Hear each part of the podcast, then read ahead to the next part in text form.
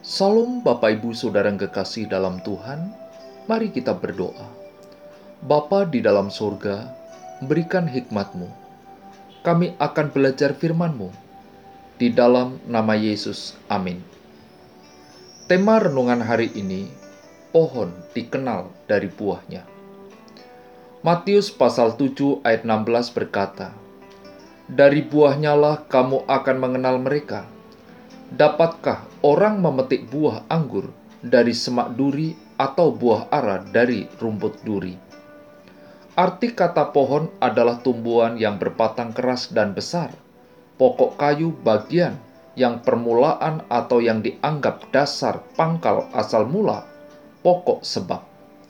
Kata buah artinya bagian tumbuhan yang berasal dari bunga atau putik hasil Pemahaman pohon dikenal dari buahnya adalah tumbuhan yang berbatang keras dan besar akan dikenal, diketahui buah atau hasilnya.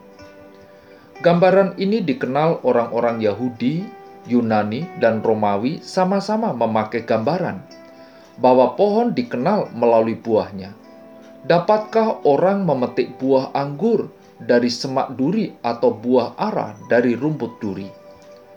Demikianlah setiap pohon yang baik menghasilkan buah yang baik, sedang pohon yang tidak baik menghasilkan buah yang tidak baik. Tidak mungkin pohon yang baik itu menghasilkan buah yang tidak baik. Itu menghasilkan buah yang baik. Dan setiap pohon yang tidak menghasilkan buah yang baik pasti ditebang dan dibuang ke dalam api. Jadi dari buahnya lah kamu akan mengenal mereka. Di dalam Matius pasal 7 ayat 17 sampai 20. Pokok yang diutarakan Yesus sangat nyata, cocok dan bermakna bagi situasi pada waktu itu. Di antara nabi sejati dan nabi palsu memang mungkin ada persamaan-persamaan lahiriah nabi palsu memakai pakaian kenabian dan mempergunakan bahasa yang juga biasa dipakai oleh para nabi sejati.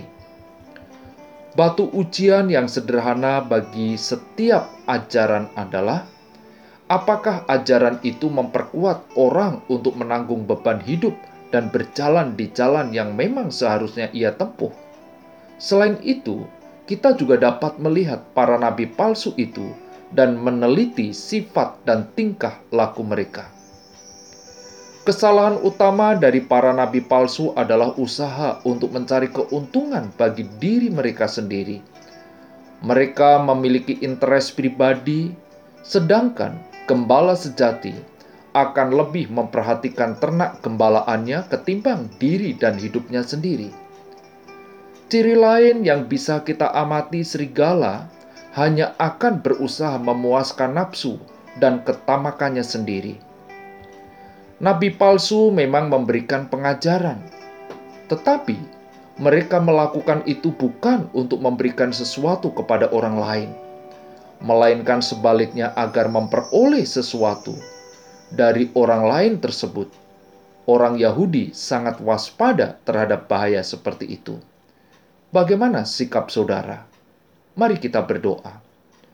Bapa di dalam sorga, sebagai seorang percaya Kristus, sebagai pelayan Kristus, berikan buah yang nyata dalam kehidupan kami, bukan sebatas berkata-kata kebenaran, tetapi kami benar-benar menghidupi kebenaran itu.